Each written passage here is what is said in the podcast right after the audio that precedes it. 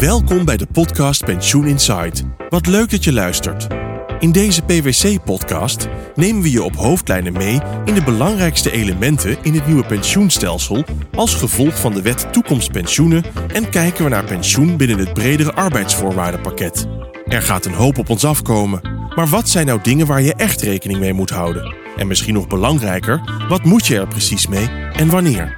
Dit en nog veel meer hoor je in deze podcastreeks. Welkom, dames en heren, bij alweer de vijfde aflevering van de Pensioen Insight podcast van PwC. In deze serie praten we met u over wat de impact is van het nieuwe pensioenstelsel op met name werkgevers. We hebben een aantal onderwerpen de revue laten passeren: belastingen, instemmingstrajecten, compensatieregelingen. Hoe ga je dat vormgeven? De rol uh, en relatie met andere arbeidsvoorwaarden. Van alles is al langsgekomen. Maar vandaag willen we het specifiek met u hebben over fusies en overnames. Uh, en daarvoor zit aan tafel vandaag Misha Borst, collega-partner, pensioenexpert en tevens uh, zeer gespecialiseerd in alles rondom fusies en overnames. En vandaag gaan wij praten over dat onderwerp. Welkom, Misha. Dankjewel, Bastiaan. Fijn om er te zijn. Ja, leuk dat je er bent. Ja, ik vraag me natuurlijk af van waarom moeten we het hier überhaupt over hebben? Want een, een onderneming die met een fusie of een overname te maken krijgt, dat is, dat is een onderneming net als elke andere. Dus ik zou zeggen, luister die vier vorige podcasts. Maar blijkbaar is er toch iets specifieks aan de hand. Kun je dat toelichten? Ja, de vier vorige podcasts even luisteren is natuurlijk altijd een goed idee. Maar om naar het onderwerp uh, over te gaan, uh, even een kleine crash course. Fusies en overnames bij een fusie van overname wordt vaak de waarde van de onderneming bepaald. Ja. En die wordt bepaald, heel simpel gezegd, door een aantal keer de winst te nemen en daar dan de schulden van af te trekken. Ja. Pensioenverplichtingen die behoren tot de schulden. Dus we kijken vaak, nou, zijn er nog verplichtingen uit het verleden die je moet aftrekken van de waarde van de onderneming. Maar de crux zit hem in de pensioenkosten. Want die maken onderdeel uit van de winst. Of die leiden uiteindelijk tot de winst. Ja. En die gaan in het nieuwe pensioenstelsel in ieder geval tijdelijk heel erg veranderen. Ja. Uh, dus vandaar dat het een heel belangrijk onderwerp is bij fusies en overnames de komende jaren. Oké, maar je hebt het over uh, pensioenverplichtingen. Dan denk ik meteen aan uh, defined benefits en middelloonregeling. Nou, daar zijn we straks allemaal vanaf. Maar je hebt het ook over kosten, dus dan gaat het meer over de, de, de premielasten. Maar ja, het wordt toch allemaal veel makkelijker. Dus ja, jouw baan is misschien over vijf jaar voorbij, of niet? Je hebt voor mij helemaal gelijk, Bastiaan. Over vijf jaar is de wereld, pensioenwereld heel veel eenvoudiger geworden. Iedereen heeft een beschikbare premieregeling. De premie is vast. Dus dan is het waarderen van een onderneming heel eenvoudig. Want ja, de premie is een bepaald percentage van de pensioengrondslag. En heel veel moeilijker of makkelijker kunnen we dan niet meer maken. Maar tot die tijd, daar zit hem de crux in. Want in de vorige aflevering hebben jullie natuurlijk gezien dat de komende jaren er compensatie betaald moet gaan worden. Ja. Met name bij regelingen die nu beschikbare premie zijn. En dat leidt natuurlijk tot heel veel onzekerheid in de transactie. En ja, onzekerheid uh, is over het algemeen niet uh, uh, een hele goede leermeester voor een transactie. Kijk, ik ben geen fusie- en overname-deskundige, maar ik, ik, liet net het woord al vallen. Pensioenverplichtingen, defined benefit. Daar zijn we natuurlijk allemaal vanaf als we dadelijk gaan invaren. Hè? Dus dan, dan sleep je dat niet meer achter je aan. Maar invaren is natuurlijk niet verplicht. Ik bedoel, het is de norm, hè? maar we zullen naar verwachting een aantal ondernemingen zien die hun opgebouwde rechten niet gaan invaren. Blijft voor hen dan wel dat vraagstuk aan de orde? Mochten ze met een fusie of overname te maken krijgen? Ja, dat klopt helemaal. Dus de, de oude verplichtingen blijven bestaan. Dus daar zit nog steeds een risico in. En daar moeten we uh, naar blijven kijken. En dat kan best uh, nog een hele tijd duren. Maar dit snijdt ook meteen een ander mooi punt aan. Als wij een due diligence gaan doen, moet je eerst even kijken wat de pensioensituatie is. Ja. Over het algemeen in Nederland hebben we heel veel bedrijfstak pensioenfondsen. Nou, die gaan waarschijnlijk allemaal invaren. Ja. Uh, dus daar hoeven we echt, ons echt niet heel erg veel zorgen over te maken. Aan de andere kant het is wel belangrijk om even te kijken hoe het pensioenfonds ervoor staat. Mhm. Mm -hmm. Als die er namelijk niet zo goed voor staan, dan zou er best nog wel eens extra kosten bij kunnen komen om die overgang uh, te financieren. Oh, ja. Ja. Maar aan de andere kant, dat geldt dan voor een hele bedrijfstak. De winst zal dan wellicht wel geraakt worden, maar dat geldt dan voor alle bedrijven in die bedrijfstak. Precies, dat leidt hooguit tot een iets hogere premie uh, in de toekomst. Iets, ja, iets hogere premie. Ja, maar dat geldt dan voor alle concurrenten net zo hard. Ja. De ondernemingspensioenfondsen, daar refereer je denk ik net even aan. Dat is natuurlijk een vrij kleine groep wel grote fondsen, maar over het algemeen hele grote Nederlandse ondernemingen. Daar kun je een hele aparte podcast uh, aan wijden. En dat uh, gaan jullie volgens mij ook vast nog een keer, uh, keer doen. Ja. De uitdaging zit hem dus in die pensioenregelingen die bij een verzekeraar of een premiepensioeninstelling of een PPI zijn ondergebracht. Ja. Tot voor kort keken we daar eigenlijk nooit naar. Want ja, dat was een vaste premie.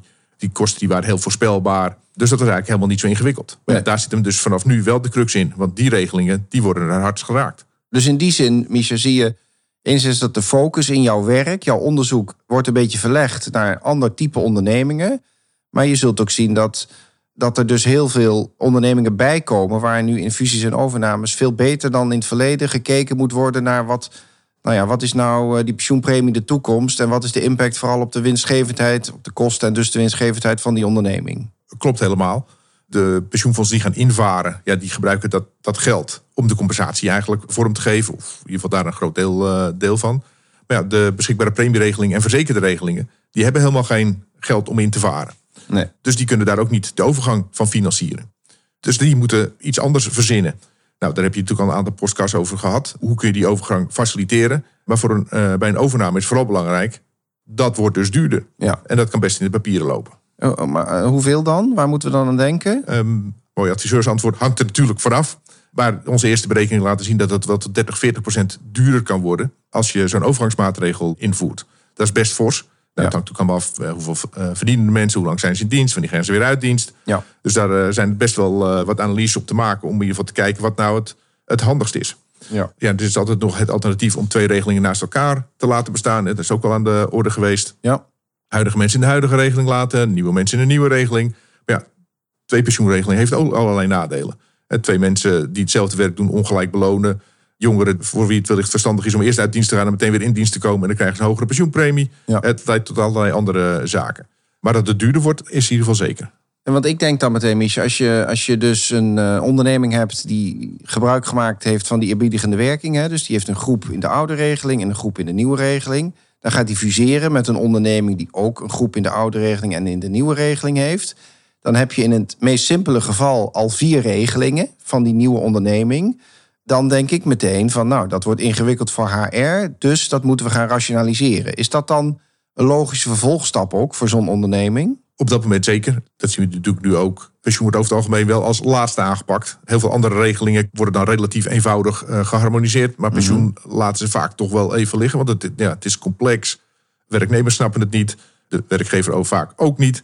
En ja, het geldt net als met alles wat je harmoniseert. Over het algemeen wordt het er alleen maar duurder van. Dus ja, daar zit ook niet heel veel uh, ondernemingen op te wachten. Ik zou toch hopen dat we, als dat dadelijk allemaal beschikbare premieregelingen zijn, dat het wel iets makkelijker gaat dan hoe het in het verleden ging. De vergelijking, en dat, dat gold ook al, uh, we gaan wel even een doorkijkje naar over vijf jaar. Ja, over vijf jaar zijn al die regelingen die lijken op elkaar. Het enige wat nog anders is, is de premie. Ja. Nou, dat harmoniseert een stuk makkelijker dan als er ook nog allerlei andere zaken anders zijn in zo'n uh, pensioenregeling. Even terug naar die fusies en overnames. Hè? Hoe belangrijk is dit nu eigenlijk? Is dit nou een een dealbreaker, pensioen in een fusie of overname? Of is het eigenlijk een randverschijnsel? Uh, poetst het weg achter de komma? Kun je eens wat inzicht geven in nou ja, orde van groottes? Ja, het hangt helemaal inderdaad weer van die transactie af. Er zijn uh, natuurlijk uh, sectoren waar uh, arbeid geen belangrijke rol speelt. Nou, dan zal pensioen en pensioenkosten ook niet zo'n hele belangrijke rol spelen. Om, omdat het kapitaalintensieve ondernemingen zijn. Hele kapitaalintensieve ja, ja. ondernemingen, weinig arbeidskosten. Ja, er zijn natuurlijk ook ondernemingen die alleen maar arbeidskosten hebben. Werken ja. bijvoorbeeld bij PwC. Daar, ja. Het enige kosten die we hebben zijn arbeidskosten. Ja. ja dan gaat pensioen opeens wel een, een grote rol spelen. Vaak is het 10 tot 15 procent van de salarisom. Nou, als, als die 40% stijgt, nou, dan heb je toch best een, een forse kostenstijging uh, waar je rekening mee moet houden in je waarderingsmodel. Ja, dan is 10 tot 15 procent uh, zit je nog aan de lage kant waarschijnlijk. Want als je een veel ouder bestand hebt nu, dan is het, uh, is misschien nog wel meer zelfs. het kan, kan zo ook. Ja, het maximum in de pensioenwet is straks 30 procent van de pensioengrondslag. Ja, als je daarop zit, dan, ja. dan tikt het behoorlijk aan. Ja. Wie moet hier nu mee aan de slag? Is dit nou een onderwerp voor HR? Is dit een onderwerp voor finance? Is dit een onderwerp voor de mensen binnen een onderneming die bezig zijn met die fusie? Het is voornamelijk interessant voor bedrijven waar je de overname aan ziet komen. Bijvoorbeeld bedrijven die op zoek zijn naar een opvolger of die geen opvolger hebben.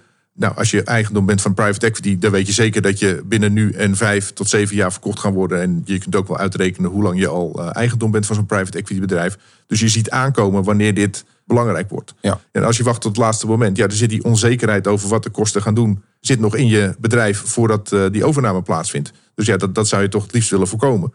Zeg je daarbij dat als je een uh, potentiële overnamekandidaat bent, moet je dat dan in, je, in de huidige periode nog zien op te lossen, waardoor het die fusie of overname vereenvoudigt? Of moet je het juist laten liggen voor de nieuwe eigenaar? Ja, je, ja eigenlijk kun je natuurlijk twee kanten op. Ja, of je gaat het nu oplossen en dan weet je zeker waar je aan toe bent. Of je Ja. zegt, nou, het zal mijn tijd duren. Laat die nieuwe partij het maar oplossen. Want ik vind het en, en te ingewikkeld. En die onzekerheid die geef ik gewoon door. En ik hou het bij de kosten zoals ze nu zijn. Ja. Ja, voor allebei valt wat te zeggen.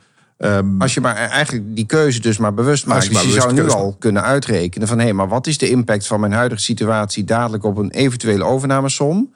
En kan ik dat optimaliseren door een wijziging nu al door te voeren... in plaats van dat eh, aan de nieuwe eigenaar over te laten? Klopt helemaal. Ja. En ja, of je nou 10% hogere kosten krijgt of 30 of 40%, ja, dat maakt natuurlijk wel, ehm, wel uit. Ja. Een agressieve koper zal altijd zeggen, ja, dat wordt 30 of 40%. En jij zal altijd zeggen, ja, dat wordt 10.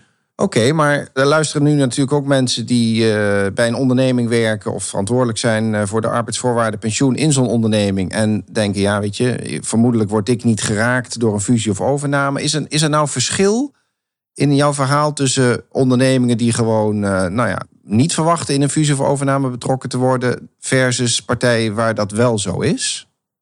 Ja, dat is eigenlijk, dat is eigenlijk best wel een, een groot verschil. Want als je eigenlijk going concern bent, er gebeurt eigenlijk niks eh, met jouw onderneming en je, je groeit gewoon vrolijk verder. Ja, dan, dan moet je een keer natuurlijk naar dit nieuwe pensioenstelsel, maar dat maakt niet zo heel veel uit wanneer je dat doet. Ehm, Als het maar voor 1 januari 2028 is. als het, als het maar op tijd is. Ja. Maar bij een fusie of overname krijg je een meet, waardemeetmoment. En dus op dat moment wordt gewoon de waarde van de onderneming bepaald. En Ja. dat, dan maakt het wel degelijk uit of je al over bent naar het nieuwe systeem of niet. En en wanneer je dat dan doet. Ja. Het liefst dan voor dat meetmoment, want dan Ja. heb je de zekerheid eh, verkregen. Ja. Hey, en dan de one million dollar question, eh, en misschien wel letterlijk in dit geval. Wat moet je gaan doen?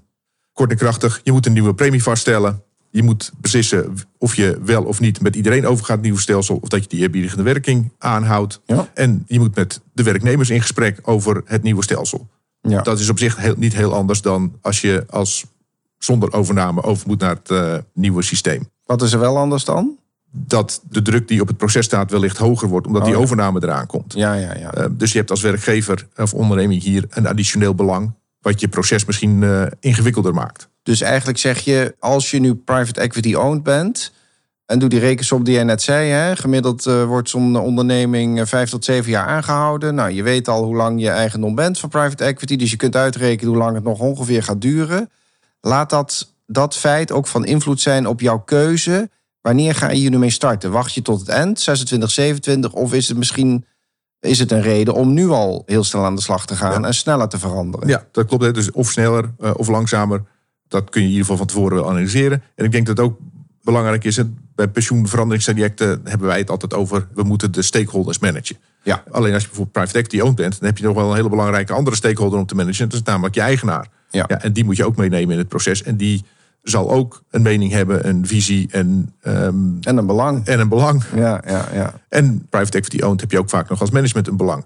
Dus dat maakt het leven eh, Manage- management incentive plannen en zo bedoel je? Bijvoorbeeld, ja, als je daar ook een, ehm, een steek van de, van de winst krijgt. En met name als dat dan ook de, de werknemersvertegenwoordigers dat ook weten. Ja, dat, dat maakt je proces eh, niet, eh, niet eenvoudiger. Oké, nou interessant, Misha. Nou weet ik dat jij people in deals expert bent eh, bij ons. Hè? Dus je houdt je eigenlijk bezig met pensioenen, maar ook met andere mensgerelateerde zaken in fusies en overnames. Dus ook eh, arbeidsvoorwaarden en zo. Hè? Nu weten we, ook uit vorige podcasts, dat deze stelseltransitie impact gaat hebben op eh, ook andere arbeidsvoorwaarden. Dat kan zijn door de compensatieregeling, maar nou ja, ook op andere manieren.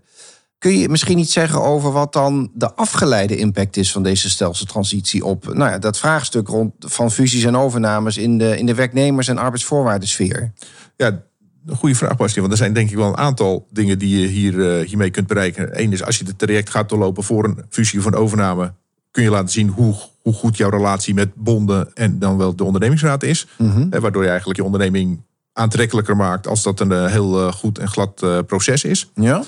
In voorgaande aflevering hebben jullie al besproken hoe je die compensatie kunt vormgeven in, op zo'n manier dat het beter aansluit bij de strategie van een onderneming. Of dat Ja. je meer kunt halen uit het geld wat je aan werknemers besteedt. Nou, in ons vak heet dat waarde toevoegen aan een onderneming. Nou, die kun je gewoon heel expliciet maken. Ja. Dus dat kun je heel goed laten zien. En in de hele aanpak, in het hele project, krijg je ook heel goed inzicht in eh, het bestand wat je hebt. Het verloop zul je moeten eh, analyseren. Nou, dat zijn allemaal analyses die je eh, heel goed kunt eh, toevoegen aan je due diligence proces om eh, te laten zien ja, hoe goed je onderneming er eigenlijk voor staat. En als het er niet zo goed voor staat, heb je nog even tijd om er wat aan te doen. Ja. Nu je dit zo zegt, denk ik ook meteen van dat soort analyses leveren inzichten op door middel van data.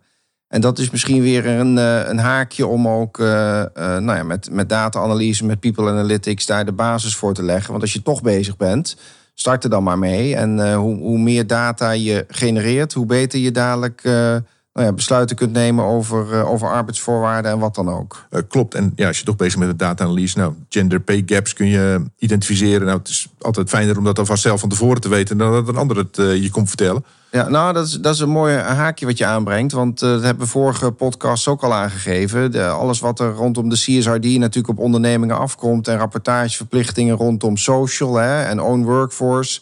Gender pay gap. Ja, je zult erover moeten rapporteren. Maar ja, laat het ook vooral een kans zijn om uh, dingen die je ontdekt en, en uitvindt, uh, misschien wel in het kader van zo'n fusie of overname, meteen nou, aanleiding te laten zijn voor een verbetering of een verandering. Want ook dat kan dus weer impact hebben op de waarde van je onderneming. Klopt. Als we nu kijken wat, wat PrivateTech die partijen vragen van de ondernemingen die ze willen aankopen, is daar ook een heleboel informatie over CSRD, gender pay gaps, de verhouding man-vrouw binnen een onderneming, programma's die, ze, die daarvoor zijn en hoe succesvol die zijn. Ja. en hoe succesvoller die programma's uiteraard ook, hoe succesvoller uh, je bedrijf. Ja. Oké, okay, nou, we, we, komen al eh, richting het einde van deze podcast, Misha. Maar niet voordat ik jou heb gevraagd wat, uh, wat jou betreft in ieder geval de belangrijkste takeaways zijn voor de luisteraar. Onderzoek wat je huidige pensioensituatie is en of je zelf uh, aan de slag moet. Dan maak je analyse van je pensioensituatie, analyse van je personeelsbestand. Mm -hmm. eigenlijk de analysefase van wat er allemaal is. En ook heel belangrijk, wat je er zelf mee zou willen. En als laatste stap, ja, dan moet je met de werknemersvertegenwoordiging onderhandeling over uh, de nieuwe pensioensituatie. Ja. Uh, daarmee creëer je weer zekerheid voor de overname. Heel goed. En ik voeg daar nog aan toe, wat we bijna iedere podcast doen. Begin vooral op tijd, dames en heren. Want de, het is zo 2028. En de flessenhals waar we met z'n allen in terecht gaan komen, ja, dat zorgt dat u die, die voorblijft. Want de markt is schaars wat dat betreft. Goed, nou daarmee, uh, Misha, dankjewel voor, jou, uh, voor jouw bijdrage. En zijn we aan het einde gekomen van deze vijfde aflevering van de Pensioen Insight podcast van PwC. Allemaal zeer bedankt voor het luisteren. En ik, uh, ik zie of hoor u eigenlijk graag de volgende keer terug. Tot ziens. Bedankt voor het luisteren naar deze podcast. Kijk voor meer informatie over pensioenen op de website van PwC en volg onze podcast in jouw favoriete podcast-app.